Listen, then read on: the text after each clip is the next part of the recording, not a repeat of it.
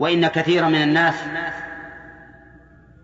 يذهب فهمه إلى أن حسن الخلق لا يكون إلا في معاملة الخلق دون معاملة الخالق ولكن هذا الفهم قاصر.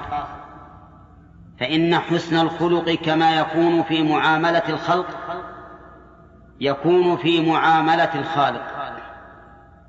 فموضوع حسن الخلق إذن معاملة الخالق جل وعلا ومعاملة الخلق أيضا.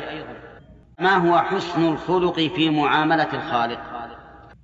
حسن الخلق في معاملة الخالق يجمع ثلاثة أمور. تلقي أخبار الله تعالى بالتصديق وتلقي أحكامه بالتنفيذ والتطبيق وتلقي أقداره بالصبر والرضا.